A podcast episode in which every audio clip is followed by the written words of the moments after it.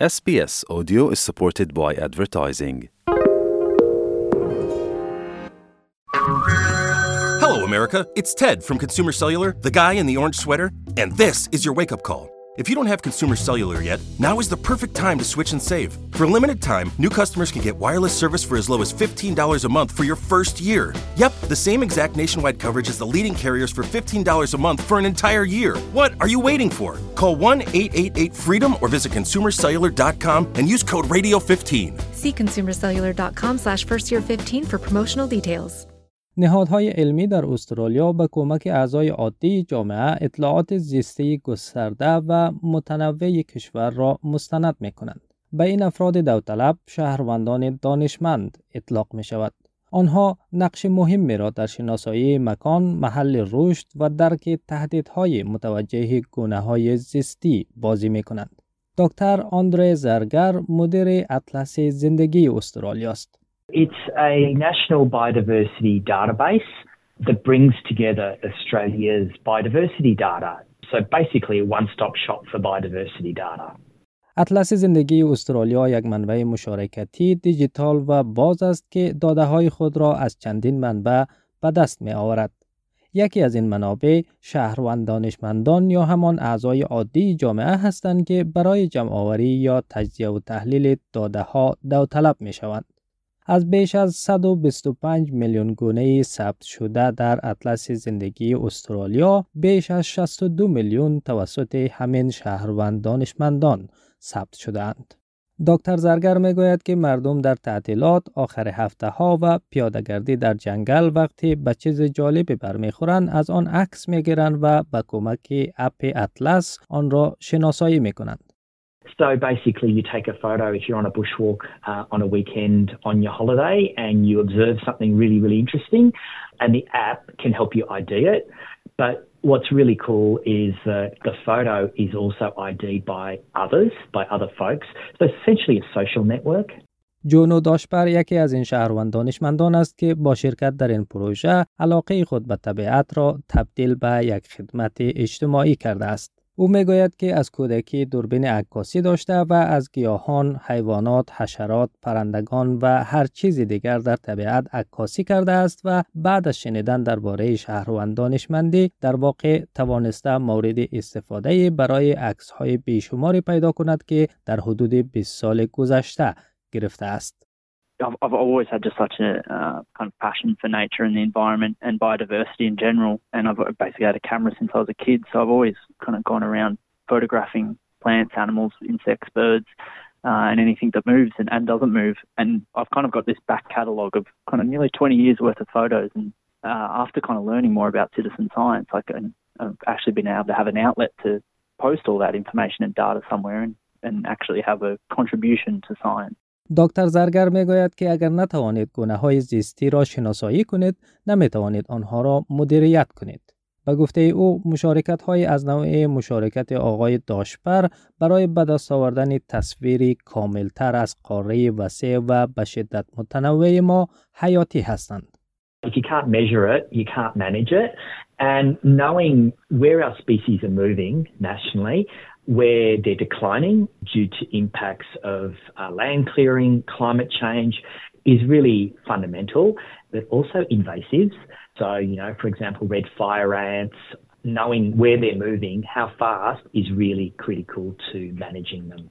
اطلس زندگی استرالیا می گوید که تنها در سال 2022 شهروند دانشمندان وجود گونه های زیستی را در بیش از 9 میلیون و 600 هزار مکان ثبت کردند. آقای داشبر باور دارد که جنبه داوطلبانه بودن شهروند دانشمندی حس کشف را در آدمها تشویق می کند. او می گوید که خودش تعداد زیادی از های کمیابی را پیدا کرده که به دلیل عدم سرمایه گذاری کافی از دید دانشمندان پنهان مانده بودند. I've actually found quite a few of these rare snails, which are not really um, very commonly recorded. So, you know, being able to document those through through these programs is really good because I understand snails don't get that much funding. So, you know, not many scientists are out there looking for them or, or government organizations out there looking for them. So to have kind of just everyday people getting interested in that is, is really important because there's obviously so many more everyday people than there are professionals who are able to get out there and look and be paid to do it. پول فیلمونز مدیر علوم و سفرهای اکتشافی شهروندی در موزیم استرالیا است. این موزیم تعدادی از پروژه های علمی شهروندی را در دست اجرا دارد. یکی از آنها پروژه ماهی های استرالیایی آسیایی و دیگری پروژه دیجی وول است که کلکسیون های موزیم را به کمک داوطلبان دیجیتالی می سازد. آقای فیلمونز می گوید علم شهروندی پدیده جدیدی نیست و اگر به گذشته برگردیم حتی چارلز داروین یک شهروند دانشمند بود زیرا در وقت خودش و به طور داوطلبانه کار علمی انجام می‌داد. و گفته او موزیم استرالیا در دهه 60 میلادی نیز از شهروند دانشمندان برای تحت نظر گرفتن پروانه ها استفاده کرده بود. Citizen science has been around for a long time. I mean, Charles Darwin, if you want to go back that far, he was really a citizen scientist because he wasn't paid to be doing science, but he, he was carrying out science in his own time as a, as a, a volunteer, if you like. But even back in the 60s, we had uh, projects at the Australian Museum where we had volunteers monitoring and, and watching for butterflies uh, as part of a butterfly project back then. با این حال آقای فیلمونز می گوید که اکنون افراد عادی می توانند در صورت تمایل از روی کوچ و در لباس خواب خود در پروژه های علمی شهروندی سهم بگیرند. بدون شک تلفن های هوشمند با دوربین ها و اپلیکیشن های متصل به اینترنت انقلاب در گستره و دامنه علم شهروندی ایجاد کردند.